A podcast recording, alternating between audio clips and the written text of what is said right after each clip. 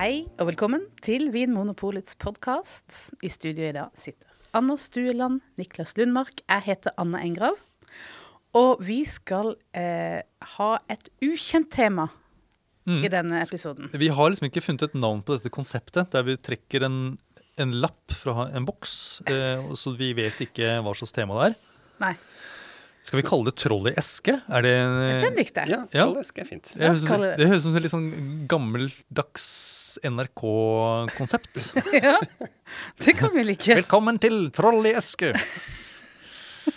Store studio.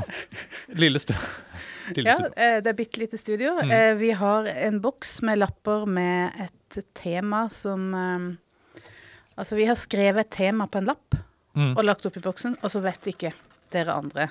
Vi vet ikke hva vi har skrevet. Nei, jeg husker så vidt hva jeg skrev, og jeg er ikke helt sikker på hva jeg mente med det. Nei. Nå trekker jeg en lapp, og så skal vi snakke om det som blir, eh, står på den lappen. En stor lapp.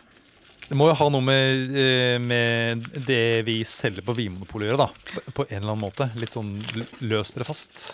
OK. Nært Å, oh, dette er et fint tema. Colares. Oi! Colares! Oh. Uh, ja. Unnskyld.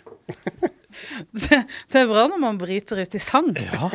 Det er jo et uh, Nå vinområde. ja, nå trakk jeg et lettelsessukk. Hvorfor det? Er det? Jo, fordi uh, dette her er jo et tema som uh, jeg, har, eh, jeg har følelser for det. Ja. Jeg har vært der. Ja. Jeg har smakt det. Eh, og det er spennende. Ja, det er veldig spennende. Mm. Men det er ikke jeg som har skrevet. Nei, det er det du. Niklas, som har Det skrevet ditt, eh, Og, hvor, og hvorfor har du skrevet dette her? Fordi jeg syns det er veldig interessant. Ja.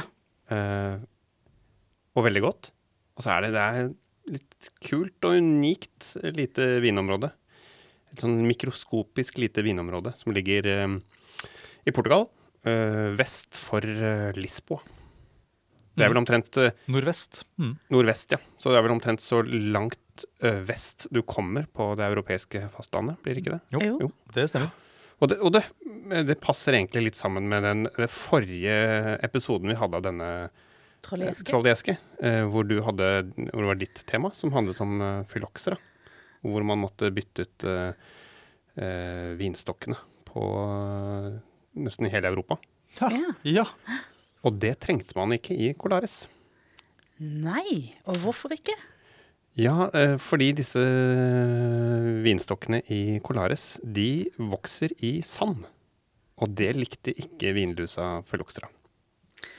Men jeg eh, prøver å være hobbygartner hjemme, Mm. og jeg kan ikke fatte at vinplanten liker å vokse i sand heller. For det er jo ingen næring i sand. Er Nei, eh, og de vokser vel strengt tatt i, i leiregrunn som er under sanda.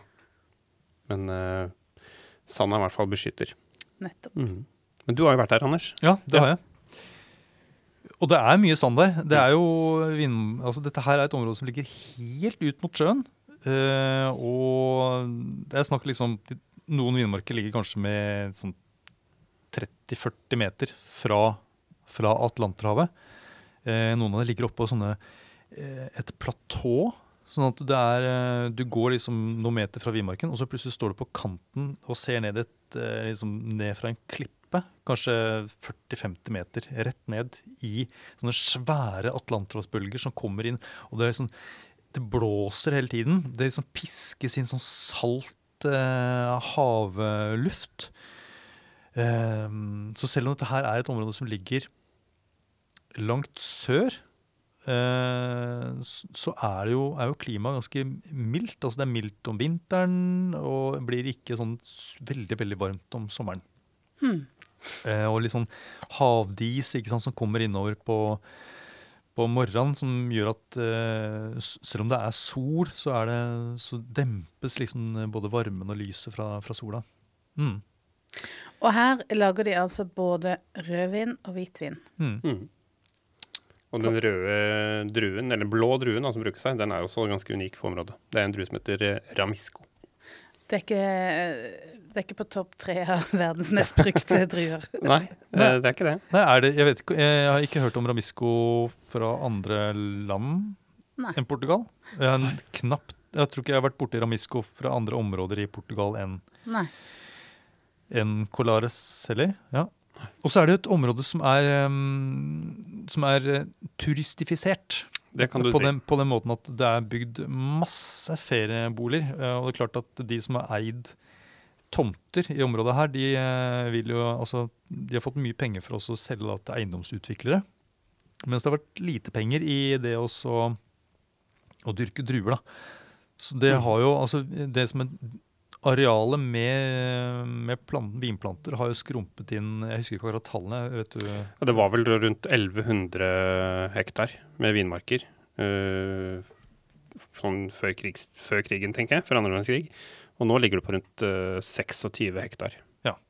Så det var vel nede i 14 på det verste. Men de har klart å gjøre en del uh, nyplanting. Som, eh, Ja, nettopp. Ja. Fra, over, fra over 1000 hektar ned til uh, 26. 26. Og, og, og, hvor stor er en fotballbane? Er ikke den ja, det, blir, hektar? det blir omtrent uh, En ett hektar. Én hektar. Én hektar. Hektar. Én? Ja. Ja. Så 26 fotballbaner. Det, er, det er jo ikke mye. Og, og, de, og det er jo ikke som når man kommer ned dit, så er jo ikke det et, eh, det er ikke et sånn sammenhengende eller sånn samlet felt med vinmarker. De ligger liksom mellom eh, ferieboliger og litt sånne der, eh, kule, moderne funkisbygg. og så plutselig så er det da et sånn lite felt med, med gamle vinplanter. Det fins vinplanter her som er over 130 år gamle. What? I det nære klimaet? Ja, og de ligger eh, de, Altså, det er ikke Det er ikke vanlig å binde opp eh, sånne vanlige oppbindingssystemer bortover på en vaier eller noe sånt. De ligger, de ligger liksom spredd utover sanda. Mm. Er det sånn- for å unngå den saltvannsdusjen? Jeg tror altså eh, det, det skjermer også druene en del. Mm. Og så er det det at det blåser mye der. Det er værhardt, ikke sant. Eh, Og da ser jeg det på fjellet, med sånne planter som vokser på fjellet, hvor det er sånn værutsatt. Det, de blir sammenkrøket og liksom ja, lave og litt sånn, ja. Så vil jeg tro at den sanda også Den vil jo absorbere en del varme Mm, fra sola. og Når det er lavt ned mot sanda, så vil det også kunne reflektere litt. Ja, helt klart. Nei, så der ligger det, til med modning. Og så var det også tradisjon å eh, ha eh, som både epletrær, og så hadde man da disse vinplantene som lå på bakken under.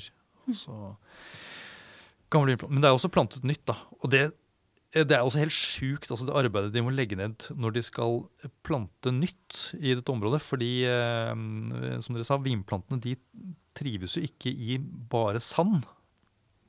Så derfor så det de må gjøre da, i området, er at eh, i noen steder så er dette sandlaget tror jeg tre-fire meter tjukt. Så da må de de må grave seg ned, sånn at de kommer ned på mer sånn leire og leirsand, hvor det er liksom både næring og vann, ikke minst. da. Mm. Så de graver seg i sånne dype, dype, dype grøfter. Og der nede planter de vinplanten. Nei, dette skjønner jeg ikke. For da må jo vinplanten da ha fire meter lange røtter. Ja, det som, det, det som skjer da, er at eh, etter hvert som planten vokser, så fyller du på med litt sand, litt Ah. sand, litt sand. Og etter hvert Oh så har liksom planten liksom vokst så høyt at den på en måte kommer over eh, liksom selve eh, Bakkenivå. bakkenivået. Ja. Mm. Men det tar jo da mange år, ikke sant. Men da har man da fått etablert et rotsystem som går helt ned til, eh, til liksom der hvor det er vann og næring. Jeg skjønner at det er et utrydningstrua område. Mm. Det er jo ikke så dype sandlag overalt, men, det er, men at, det er sand, at det er mye sand der, det er det i hvert fall. Så det er, de, de, må liksom, de må jobbe litt for å få etablert uh, plantene.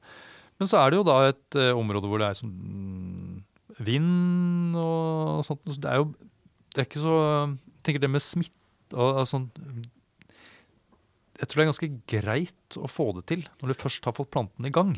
Det er lett å dyrke økologisk, sikkert. Mm. Mm. Og så en Ja. Mm. Ja. Nei um, Det lages også hvitvin, da. det lages også hvitvin. men Det er jo rødvin de kanskje er mest kjent for. Men de Ja. lager jo hvitvin på Malvasia-drue. og Det, er, Mm. altså det finnes jo mange, mange typer Malvasia. Som ikke nødvendigvis er samme druesort, men uh, Det er en mer sånn familie... betegnelse. Ja. Ja, og den malvasiaen fra Colares er kanskje ikke så aromatisk som, som blomster eh, aromatisk som de vi kjenner fra Nei, Dere har jo nettopp eh, smakt noen Mm. Ja. eh, hvite. Veldig, de er veldig sånn uh, Veldig friske. Ja. Og så har de en sånn saltaktig finish som jeg syns er veldig flott. Det må jo være fra druene. Jeg kan ikke skjønne noe annet, for det er tydelig saltsmak i vinen. Ja, men det er vel ikke så rart. Jeg tenker at hvis Nei, den, er der, den sjøsprøyten, og så plukker du de De skyller jo ikke druene, antageligvis, før de putter de i pressa. Men Så da, da får du vel litt salt med, da. Ja. For det er noe litt sånn saltaktig. Mm. Og friske, ja. Og ikke sånn veldig aromatiske. Nei? Sånn, Ikke det.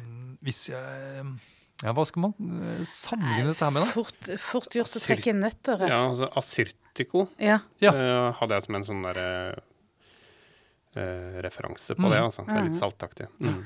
Og egentlig chablis òg. Mm. Ja. Mm. En litt sånn feitere Ja. Mhm. Litt sånn Syden-chablis. Ja, Syden-chablis, ja.